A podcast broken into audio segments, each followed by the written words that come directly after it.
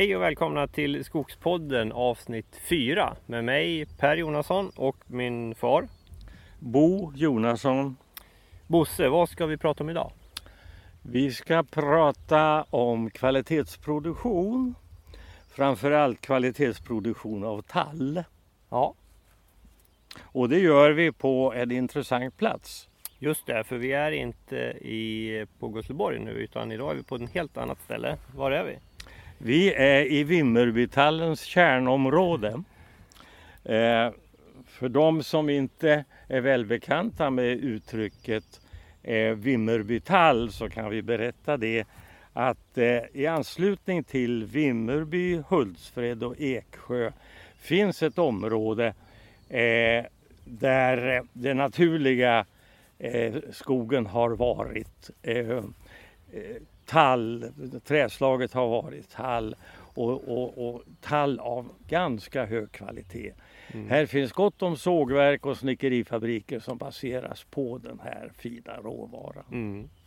Ascarius Svensson till exempel. Är ett exempel, ja, ja. Ja. Du berättade ju igår att det här begreppet Vimmerbytall det förekom redan när du gick eh, eh, på Skogis på 50-talet. Ja, välbekant alltså. Ja. Och, och, och mycket tidigare än så. alltså. Ja, ja. Eh, alltså det typiska eh, för de här skogarna det är ju att det, det, är, en, det är en typ av tallhedar. Inte en mager tallhed för det, det är ju alltså fullt med vegetation, blåbär och ljung och lingon på marken. Mm. Men i alla fall, det är, det är en utpräglad tallbiotop. Alltså. Mm. Mm. Och det, har ju, det håller ju på att förändra sig lite grann ser vi eftersom många går in och planterar gran på de här äh, tallmarkerna just på grund av betestrycket som är. Ja visst, betestrycket eh, hotar ju framtiden för Vimmerbytallen. För nu planteras gran på typiska tallmarker här just på grund av det hårda betestrycket. Men det gör inte vi. Vi har försökt göra eh, lite annorlunda. Där vi är nu så sitter vi i en, en tallsådd eh, kombinerad med granplantering. Eh, som vi anlade i alla fall det här eh, 2009. Mm. Och de högsta tallarna här nu, sådda tallarna, de är uppe i knappt manshöjd. Mm. De når upp till näsan på oss ungefär. Ja. Ehm, men eh, i alla fall, här, här är gott om plantor. Här står, vi räknade eh, några provytor här och kom fram till att här står mellan 8 och 9 tusen tallar per hektar. Mm. Och, och lite gran också. Och lite gran, några hundra granar är det dessutom. Och då är ju lövet oräknat. Och sen är det mängder av löv i det här. Lövet har röjts en gång på senare år här. Så eh, lövet ligger inte före nu i, i höjdutvecklingen. Utan eh, de högsta tallarna och de högsta björkarna de är ungefär lika höga. Mm. Och sen finns det gott om björk i botten. Mm. Precis. Och vi, tog ju, vi gick ju en promenad här. Vi konstaterade att här, det var inte så farligt betat. Nej, det är inte det. Eh, visst, vi ser att de har försommarbetat här nu, det vill säga tagit årsskotten. Eh, men eh, det är i alla fall ett förhållandevis litet antal tallar som har drabbats.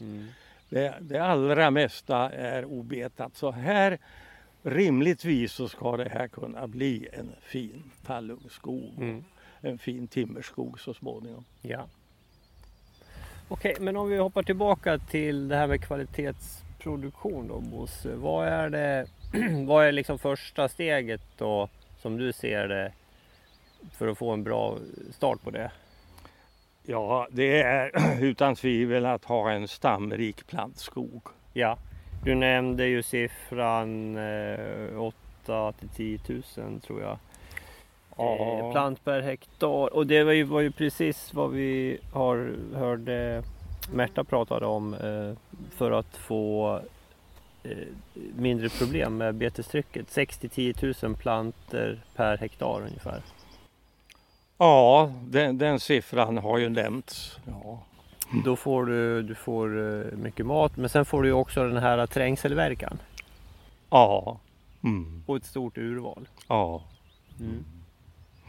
Nej, här finns förutsättningarna.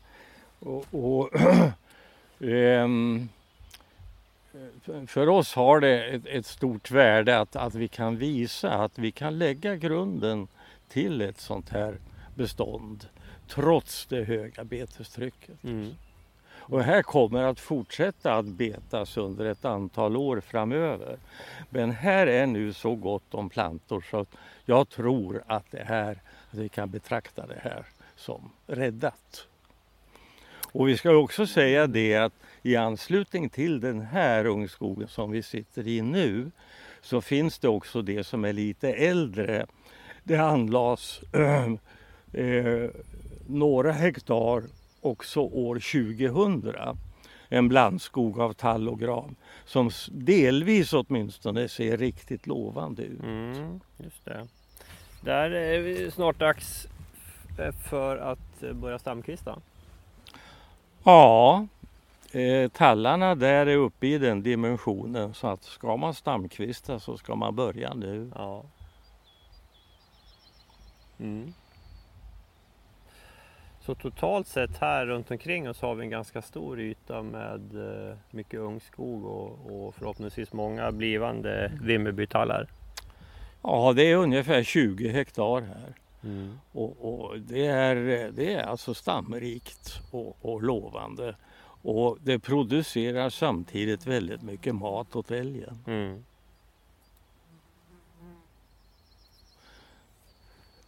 Jag skulle vilja visa det här för för alla pessimister som finns. De här pessimisterna som går ut och oreflekterat planterar gran på sådana här marker. Det, det, är, en, det är en jättestor kapitalförstöring att mm. producera gran på den här marken. Mm. För de här granarna de blir aldrig bra och de kommer att växa väldigt långsamt. Alltså. Mm. Ja, nej men eh, alla är välkomna och titta in på Tallungsskogen i Vassemåla utanför Vimmerby. Ja, den ligger väldigt välbelägen. Det, det är lätt att eh, visa på karta vilket område vi avser. Och alla som vill komma och titta är välkomna. Och skrämma bort några älgar samtidigt också. Gör gärna det. ja, bra. Om vi tittar på den här uh, sådden som vi sitter i nu Bosse, vad kommer att bli nästa steg där då? Det har gjorts en försiktig lövröjning som du nämnde. Vad, vad kommer att ske härnäst? Ja, det blir ju en röjning till av löv men kanske i den röjningen att man också börjar fälla förväxande eh, tallvargar. Mm. Det skulle jag mycket väl kunna tänka mig. Men om vi tittar på den, den, alternativa skötseln av det här, alltså den schablonmässiga skötseln av en sån här skog. Mm. Så, så blir det ju dessvärre så att, att här kommer ett, ett, ett, ett, ett, ett, ett gäng med med röjsågar som, riv, som eh, fäller ner en förskräckligt stor andel av den här älgmaten som står här. Mm. Eh, och kvar står ett, ett glest bestånd. Det står eh, tallar på två gånger två meter. Och jag skulle aldrig våga göra det. Jag skulle aldrig våga göra en sån röjning här.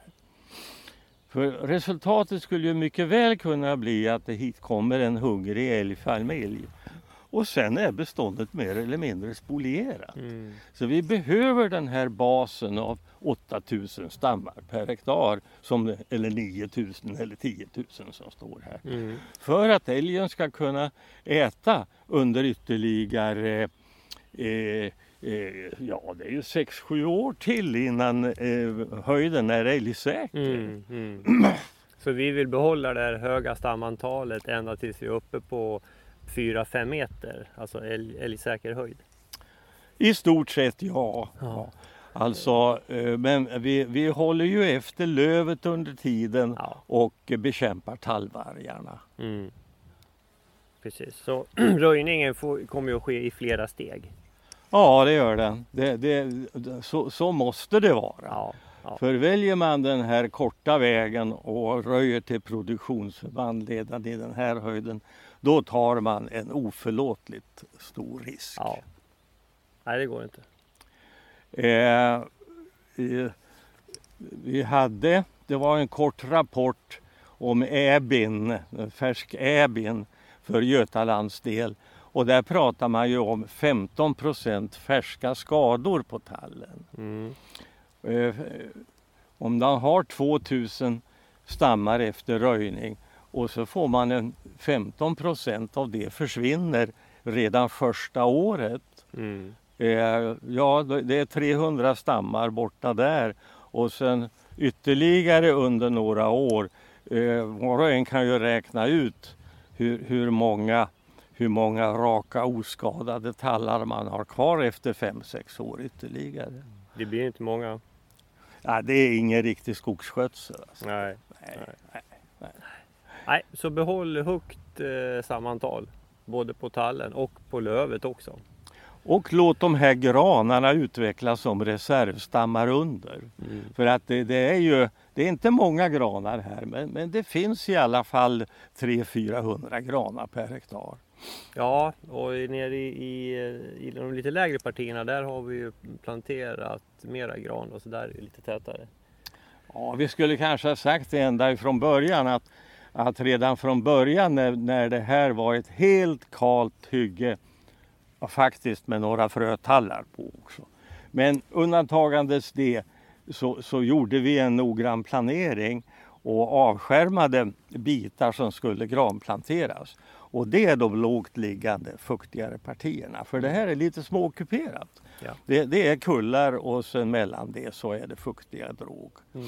Och, och det här blir en, en mosaik av tall och gran på det viset. Men tallen är det trädslag som helt dominerar. Ja. Men vi kommer ju behålla en del björk också förstås. Absolut. Och vi har ju exempel eh, här också på en, eh, faktiskt en ren björkskog. I det, här. Mm, mm. det kommer att bli en prydnad i det här landskapet. Ja, det den björkskogen. Absolut. Okej Bosse, då är vi tillbaka till vår studio i Bergslagen efter vår utflykt i Småland.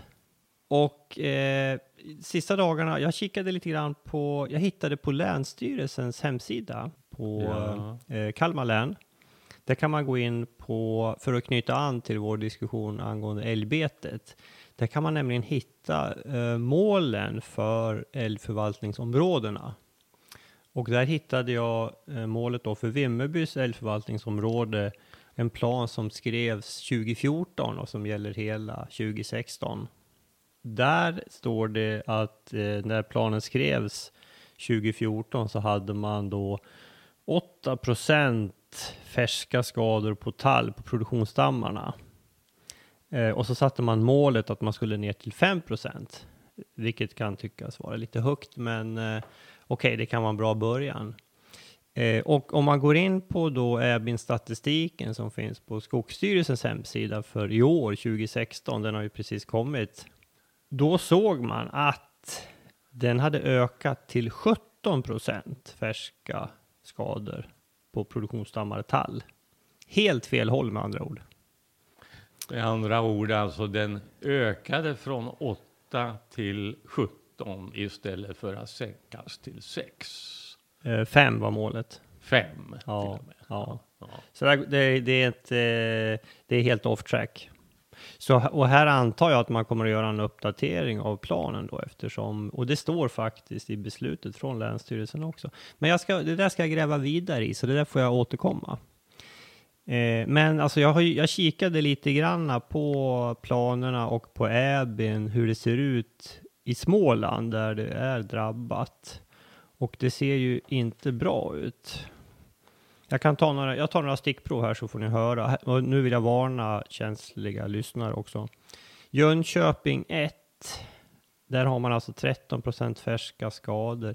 Och den här ståndortsanpassningen av tall, det vill säga när anlägger man tall på tallmark, den är 0 procent i Jönköping 1. Jönköping 2 som är runt Vetlanda, där hade man 2014 20 procents ståndortsanpassning av tall. Där har man i år 2 procent och 23 procent färska skador. 20 procent på produktionsstammarna. Jönköping 4 0 procent ståndortsanpassning. Vimmerby som vi pratade om, där hade man 2014 42 procent ståndortsanpassning. Eh, och i år då så är vi nere på 28 procents ståndortsanpassning. Och ståndortsanpassning här, det, det innebär att man planterar tall eller anlägger ny tallskog på tallmark. Just det, stämmer bra. Och gör man inte det så blir det gran på tallmarkerna istället. Ja. Det är en mörk framtid för Småland. Alltså. Vimmerbytallen är eh, hotad. Starkt hotad. Bosse, hade vi varit lite slipare då skulle ju vi eh, lägga väldigt tyst om det här, för vi håller ju på att skapa monopol på Vimmerbytallen. Det är ju Kryger-nivå på det här. ja, det skulle kunna bli så, men för att vi kämpar ju vidare att behålla tallen. Vi lägger ner mycket arbete på det och vi har faktiskt nått överraskande bra resultat. Mm. Eh, den här historien för våran del, den är bara 16 år gammal. För den började 1999 med tillköp av skog i Vassemåla. Mm. Och det var då vi fick anledning att verkligen börja försöka odla tall. Och det har ju, trots mycket skador, ändå lyckats förhållandevis väl. Mm. Det finns att titta på. Just det. Vi, jag lägger ut en liten karta på vår hemsida så man ser vart det här befinner sig någonstans. Och det är ju ungefär 10 kilometer från Vimmerby, så när man har uh, sett sig mätt på Astrid Lindgrens värld så stannar man på sig löparskorna och tar en liten tur ut så får man uh, dagens träning också. Och det här ligger alltså väldigt väl i förhållande till väg. Det är asfaltvägen i anslutning till asfaltvägen genom Vassemåla by plus den gamla eh, banvallen efter järnvägen som hette eh, Västervik Spångenäs hette den väl? Va? Det, den smalspåriga järnvägen? Den smalspåriga järnvägen. Ja. Den kan nu användas som bilväg. Just det. Ja, och där kan man ju köra av på ett par ställen också. Ja. Mm. ja. Nej, men det, det är en bra idé.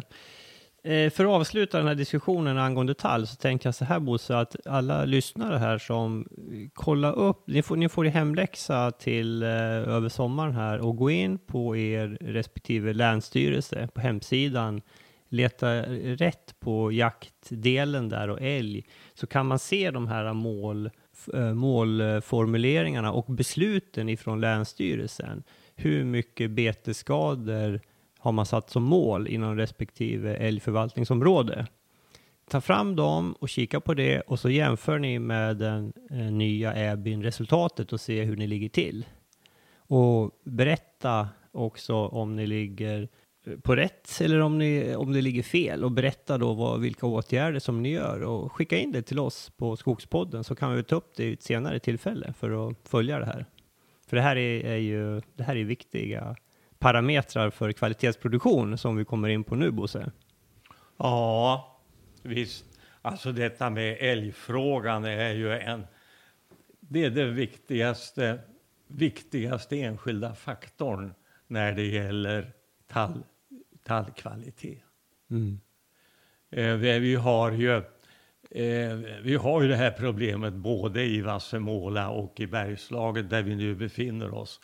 Men ändå alltså, trots alla problem, så tycker vi själva att det här ändå går framåt och vi kommer att få fram en tallgeneration. Men vi, vi ska säga några ord här vad mm. kvalitet är för någonting. Just det. Det är inte så komplicerat alltså. Krav nummer ett, det är att tallarna och granarna ska vara raka. Det är raka barrträd som ger bra timmer. Mm. De ska vara raka och dessutom så ska de vara friska och oskadade. Sen ska de inte vara direkt frod, frodvuxna heller. Men, eh, och sen Kvistkvaliteten har naturligtvis också betydelse. Men det kommer ändå inte i främsta rummet utan rakheten är på plats nummer mm. ett. Alltså. Mm. Rakt, friskt, oskadat. Bosse, du nämnde det här med det, det ska inte vara frodvuxna. Vill du utveckla det? Ja, om jag kunde. Men eh, lite kan jag om det. Nej, men eh, det här med frodvuxen tall. Eh, är väl egentligen sällan något problem. utan eh, då, då, är det granen som, som är frodvuxen. Och på bördiga marker och i glesa bestånd så kan det ju bli väldigt breda årsringar. Mm. Och det här är inte bra eh, i förädlingsledet. Eh, alltså, eh, granens böjhållfasthet är ett viktigt begrepp. Mm. För granen används ju i konstruktionsvirke. Så böjhållfasthet är viktig. Och eh, vid eh, alltså breda årsringar, frodvuxen gran, har en böjhållfasthet som är eh, klart lägre än den tätvuxna granen. Mm. Det, det, rör sig på nivån 3 till 6 procent, även vid en måttlig, måttligt bredare årsring. Mm. Dessutom är utbytet av kemisk massa i massafabrikerna också 3 till 6 procent lägre i det frodvuxna virket. Så det frodvuxna virket har helt enkelt ett lägre värde för industrin. Mm. Men sen har vi ju det här med ungdomsveden också. Ja, klart. Alltså med ett frodvuxet centrum så får vi en nackdel med ökad andel ungdomsved. Och den här ungdomsveden den uppför sig vid torkning inte som mogen ved. Mm. Utan man får eh, en, ja man kanske får vridna plankor mm. i värsta fall. Mm. Och den här ungdomsveden den den eh, bildas under trädets första 15 år. Mm. Eh, och eh, finns i hela stockens längd.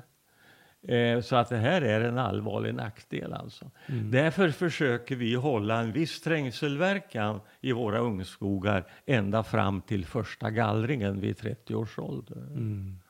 För då växer det långsamt och ungdomsveden blir då relativt liten del av, av stocken sen då. Så är det. Mm. Mm. Mm. Ja, det är bra. Mm. Men eh, eh, ska vi dra de här enkla faktorerna också när det gäller vad vi gör för att skapa kvalitet? Ja, och, och precis. Och vilka, vilka steg är det? Så att vi tar det från början till slut. Ja, det här, eh, det här tänkandet påverkar både vårt sätt, såväl vårt sätt att eh, anlägga ny skog mm. eh, som att vårda den nya skogen med röjningar och gallringar. Det, det är genomgående eh, tänk med sikte på kvalitet. Mm. Eh, vi har sagt det tidigare, men kvalitet, det blir en bristvara.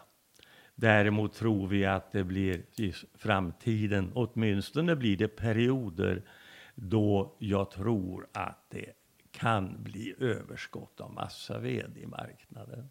Mm. Och det här kommer att påverka priserna. Mm. Det finns en liten tendens att man fokuserar på volymproduktion och kanske inte på kvalitetsproduktion. Det är utan tvivel på det viset. Det har blivit så under de senaste 20 åren.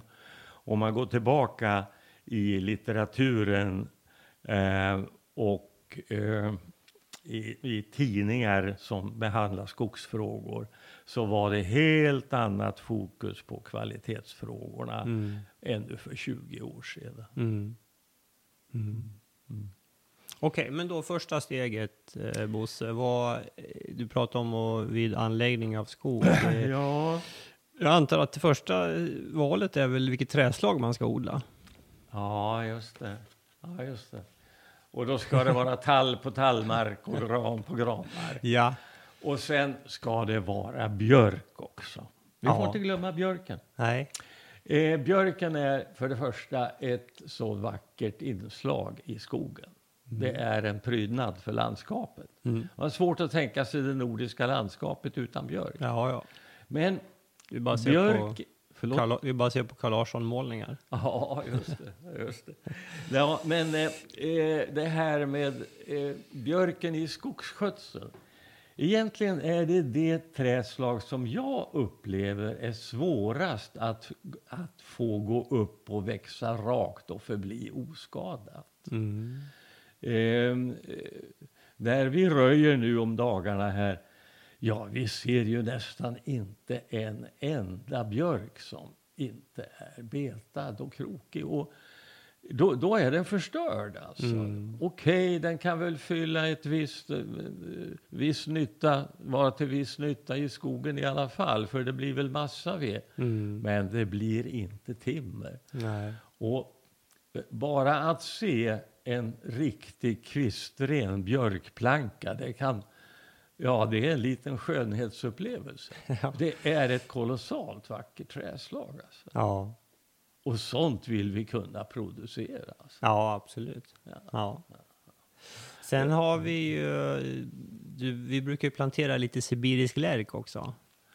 Ja, vi gör det varje år eh, på hyggets bördigaste delar. Mm.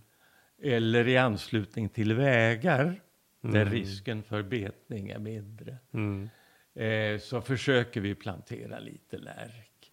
Det är små antal, vi satsar inte mycket på det, men det gör skogen lite intressantare, om inte annat. Mm.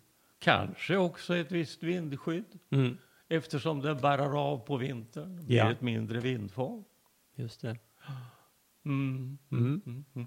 Det när det gäller eh, annars sådden, sådden, det är ett stort steg framåt när Mm. det gäller att skapa kvalitet. Eh, Och där har jag ju sett siffror på vad det är väldigt lite som sås. Jag såg någon siffra, jag tror det var 4 procent. Eh, alltså beskogning ren sådd. Och, och jag har sett några andra diagram som visar på liknande siffror. Jag tycker det, det är förvånande, för eh, vi har ju sett resultatet nu när det kommer upp, det vi sådde här i våras. Det ser ju väldigt bra ut. ja, sådden är ju en så fin metod att anlägga en ny skog. Eh, jag hoppas verkligen att sådden snart kommer ur det vanrykte som den har hamnat i. Alltså. Mm.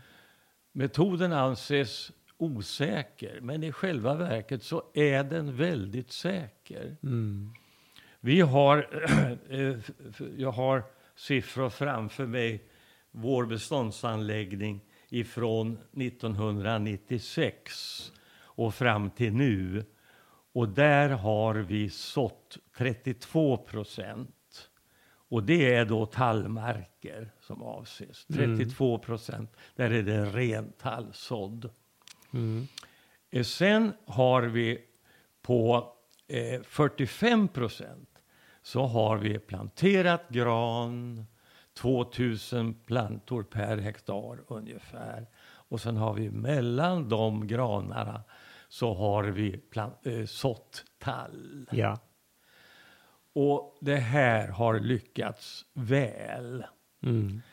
Så för Gusselborgs del så är det så här att här kommer andelen tall i nästa skogsgeneration att öka, Mm. inte minska som den gör i hela södra Sverige. Vi går ju däremot för graning. Mm. Men här alltså, med den här medvetna satsningen, så får vi en ökad andel tall. Den ökar i själva verket ifrån 12 till 15 procent som var i den gamla generationen till mellan 40 och 50 procent i den nu uppväxande generationen. Mm. Och det här är ju då eh, speciellt fokus för vi ser att det här är en blivande bristvara. Ja, det, det, det är... det, det är både ekonomiskt tänkande och känslomässigt tänkande. Mm. Eh, det här att, att eh, vi ska ha granskogar överallt. Nej, det fungerar inte alltså. Det, det, det kommer att påverka folksjälen. Ja. Och jägarna kommer att ha ett förfärlig nackdel av det därför att det finns ju ingen mat i granskogarna. Nej. Det Nej. finns lite grann i början, lite gräs mellan granarna. Men sen sluter sig granskogen och så blir det bara en barrmatta ja. på marken. Och så blir det mörkt. Mörkt. Ja. Nej. Okej, okay, men då har vi beskogningen. Under röjningsskedet mm. så är det enligt vårt förmenande väldigt viktigt att man inte röjer bort all älgmat.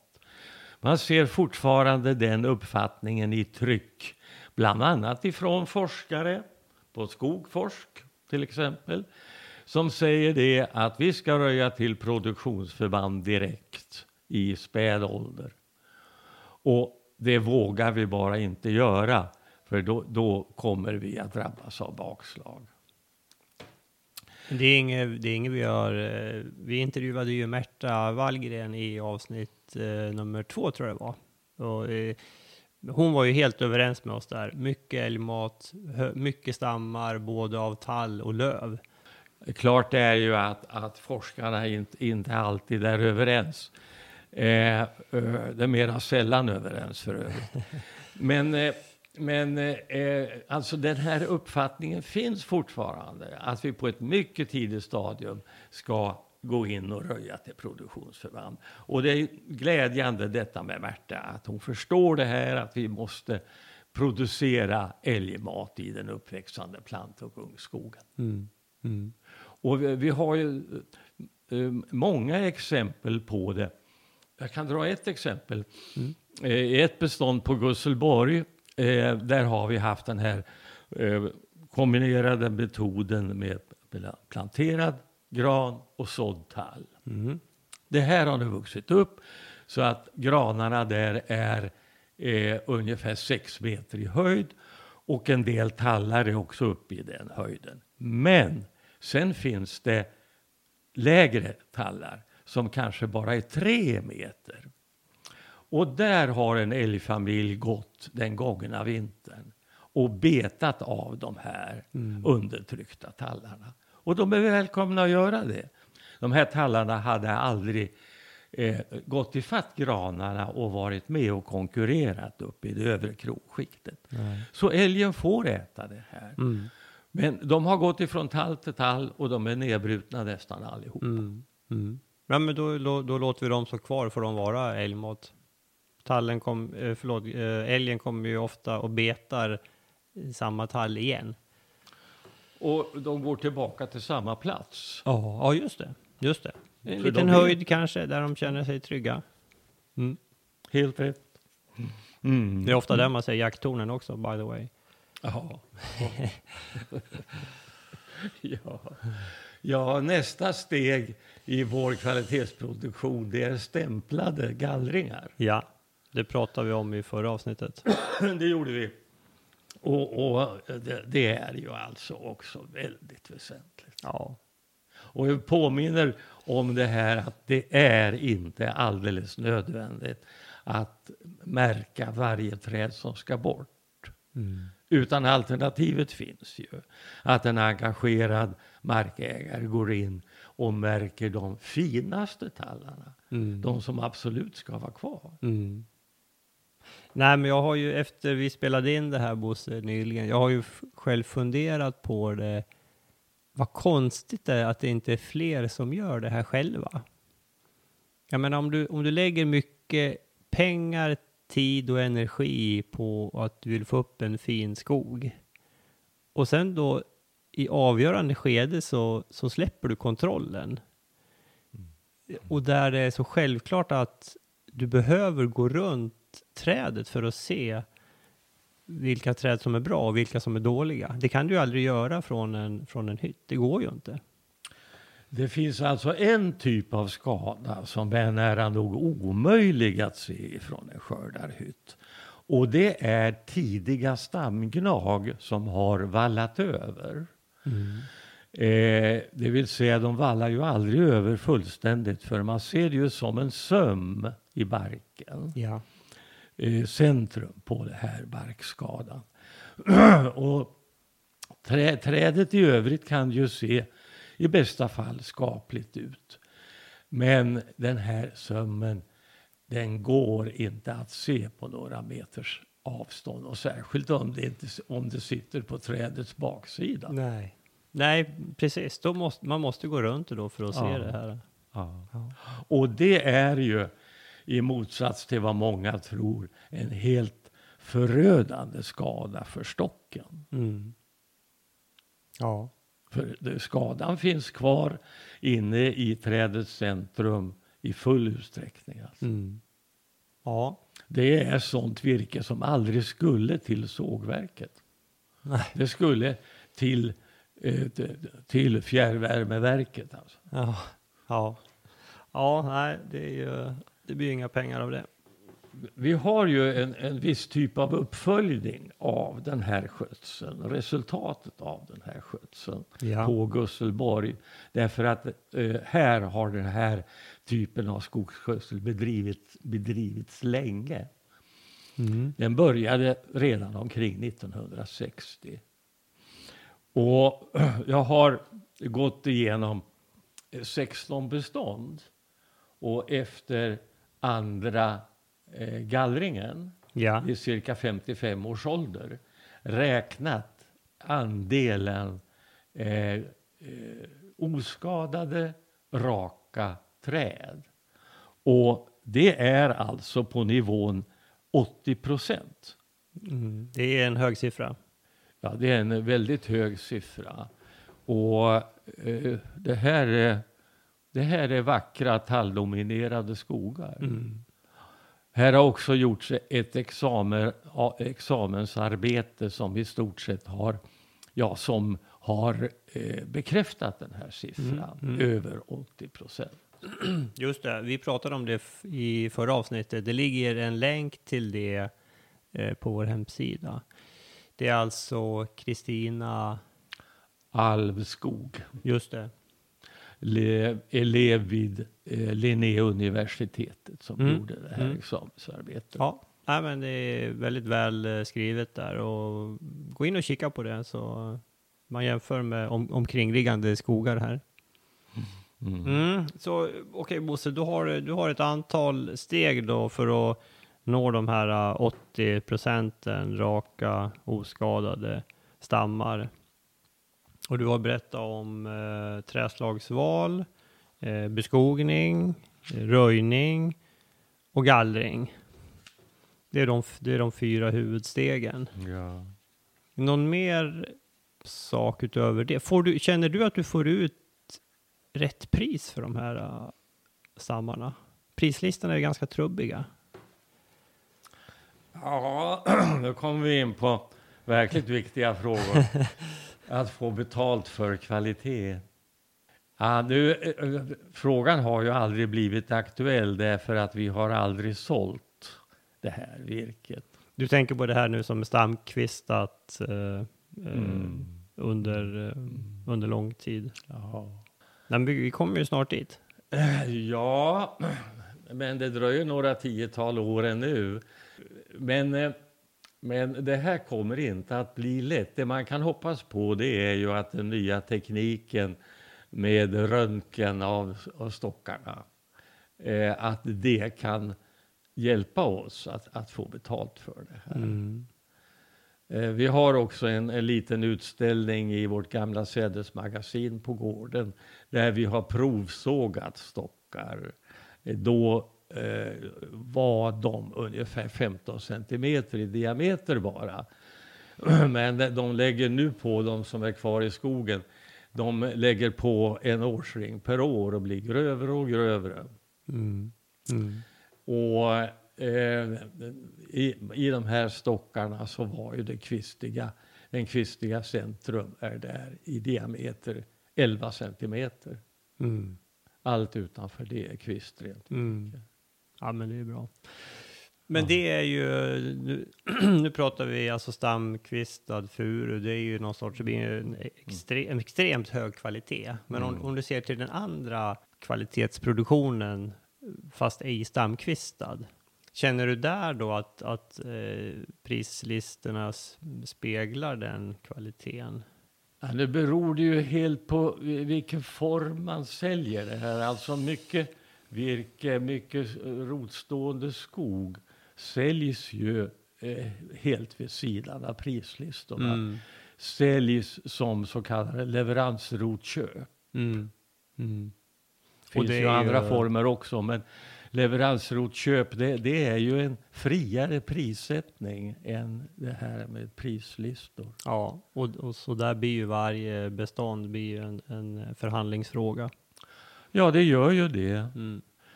Men eh, eh, alltså på lång sikt, visst tror jag att, vi, att man får betalt för kvaliteten. Ja, För det blir en bristvara, ja, det är då priserna kommer. ja. Tillgång och efterfrågan. Ja. Så funkar det alltid. Ja, bra. Eh, Bosse, är det någonting som vi inte har tagit upp när det gäller kvalitetsproduktionen? Ja, det, det är en sak. Det är en sak. Vi sår alltså även höga boniteter. Mm. Eh, och då är det inte rensådd längre utan det är den här kombinationsmetoden med planterad gran och sådd tall. Och det finns ju en föreställning om att, att det är bara tallmarkerna, alltså låt oss säga cirka, upp till cirka T24 som lämpar sig för sådd. Mm. Den föreställningen finns. Men vi använder ju den här kombinerade metoden med granplantering och tallsådd även på G30 och högre än det, G32 och G34 Mm. och når faktiskt bra resultat. Och det är inte alls omöjligt att få fram bra tallkvalitet på så bördiga marker. Det hela är fråga om trängsel som man kan erbjuda de här tallarna. Mm. Det här, är, eh, den, här eh, bestånden finns på, på Gusselborg och den som är intresserad är välkommen hit och titta på dem. Mm. Mm. Bosse, vad är det, den här föreställningen om- att det inte går, vad, vad skulle... Är det att man är rädd för alltså, konkurrens från, från, från gräs och annat, eller att det växer för snabbt? Vad, vad, vad, vad är huvudsakliga Ja, det är det, problemet? förs, det första där, vegetationskonkurrens. Ja. Och, och det är klart att det finns ställen där det är omöjligt att få det här att ta sig. Låt oss säga att vi får ett, eh, en tjock matta av örnbräken på Mm. marken. Mm. Då har tallplantorna dålig, dålig chans Mm. att hävda sig. Mm. Alltså. Men jag kan vara förvånad hur bra det här tar sig även i frodigt gräs. Mm. Ja, vi har, vi har inte problemet med örnbräken. Så att där är, där är, där är eh, erfarenheten begränsad för min del. Mm. Det får jag väl erkänna. Men, men i gräs så, så går tallplantorna Mm. förvånansvärt bra. Alltså. Mm. Men markberedning blir ju väldigt viktig. En bra markberedning är viktig. Ja. Mm. Mm. Ja. Men i, övrigt så, så känner jag väl att, att vi har pratat igenom det här. Mm. Mm. Nej, men vi har de olika Jo, stegen. jag kan säga eh, en sak till. Eh, vi har pratat nästan uteslutande nu om, om tall. Mm. Alltså det, det är ju faktiskt värt att nämna att vi har gran också i skogen. Och även det, eh, även, även eh, produktion av hög eh, grantimmerkvalitet kan mycket väl bli lönsam. Mm. Jag har sett helt nyligen faktiskt två, en jämtländsk och en sågverk i Hälsingland som har specialiserat sig på gran. Ja. Och bland annat för ytterpaneler. Mm. Och det, det, det här, eh, jag skulle inte spika upp en frodvuxen åkergran på min ytterpanel. Nej. Nej, det skulle jag absolut inte Nej, den ska växa långsamt och Ja. hö hög densitet. Ja, ja, ja, ja. Och likadant om jag ska sätta upp vindskivebrädor. Mm. Aldrig en, en frodvuxen åkergran. Nej. Nej. Nej. Och, och ändå kan man, när man följer, följer de skogliga eh, tidskrifterna och meddelanden från, från st- starka aktörer i södra Sverige, så det pratas ju bara eh, kvantitetsproduktion. Mm. Mm. Jag har under ett antal år här eh, hållit väldigt höga stamantal i den gamla granskogen. Mm. Ungefär 1100 stammar per hektar. Och de står och trängs, de stackarna, från medelåldern och upp i ålderdomen. Mm. Och årsringarna är så fina. Mm. Och kvistarna så klena. Det växer lite långsammare men blir betydligt högre kvalitet. Ja. ja. Du, under många år Bosse så exporterade du granslaner till England också. ja. Det, var väl, det fick inte vara för frodvuxet. Nej. Nej. Nej, vi exporterade de sista stavagranskogarna från mellersta Norrland. Och, och det blev, här blev råvara för trästegar i Storbritannien. Mm. Den handeln finns faktiskt fortfarande eh, i liten skala. Eh, men eh, det är våra dåvarande konkurrenter som har fortsatt. Vi hoppade av för tre år sedan. Mm. Men eh, det var en kvalitetsupplevelse. Alltså. Ja, ja. Ja, det var, det var hundraåriga granar som var 12-13 centimeter i brösthöjd. Ja. Man kunde, jag vet man kunde se de här stegarna om man var till exempel i London på, på byggen hade de ju trästegar. Som ja, till viss del tror jag de använder aluminium numera. Tyvärr. Ja, här marknaden har delvis försvunnit i alla fall. Men det gjordes alltså stegar i, i, i jämtländsk gran upp till 11 meters längd. Mm. Ja. Det, det, det byggs ju mer och mer i trä. Vi kanske kan få en renässans för trästegen också på svenska byggen. Det skulle ju vara någonting. Ja, det vore det. Mhm. Det är ju en väldigt glädjande utveckling det här med att man bygger höga hus i trä. Ja, mycket. De här husen i Sundbyberg till exempel. För de hade en, en eh, yt, eh, ytterpanel av... eh, Ja, de har som takspå, det liknar alltså takspån, Just det. eh, som sätts eh, som, ja, som tegel kan man säga. Alltså. De sätts som lott på, på panelen. Av Töja. Av tuja, ja. Ja, just det. Ja. Nordamerikanskt, nordvästamerikanskt träslag som används mycket för just det ändamålet i, i Nordamerika. Mm. Eh, där har man det eh, som väggbeteckning och som takspå. Mm. Ja, de, de vackra blir de också. Ja, absolut. Ja. Ja, ja. ja, hoppas vi får se mera sånt framöver och eh, det kan vi nog få göra, tror jag. Vi hoppas på det.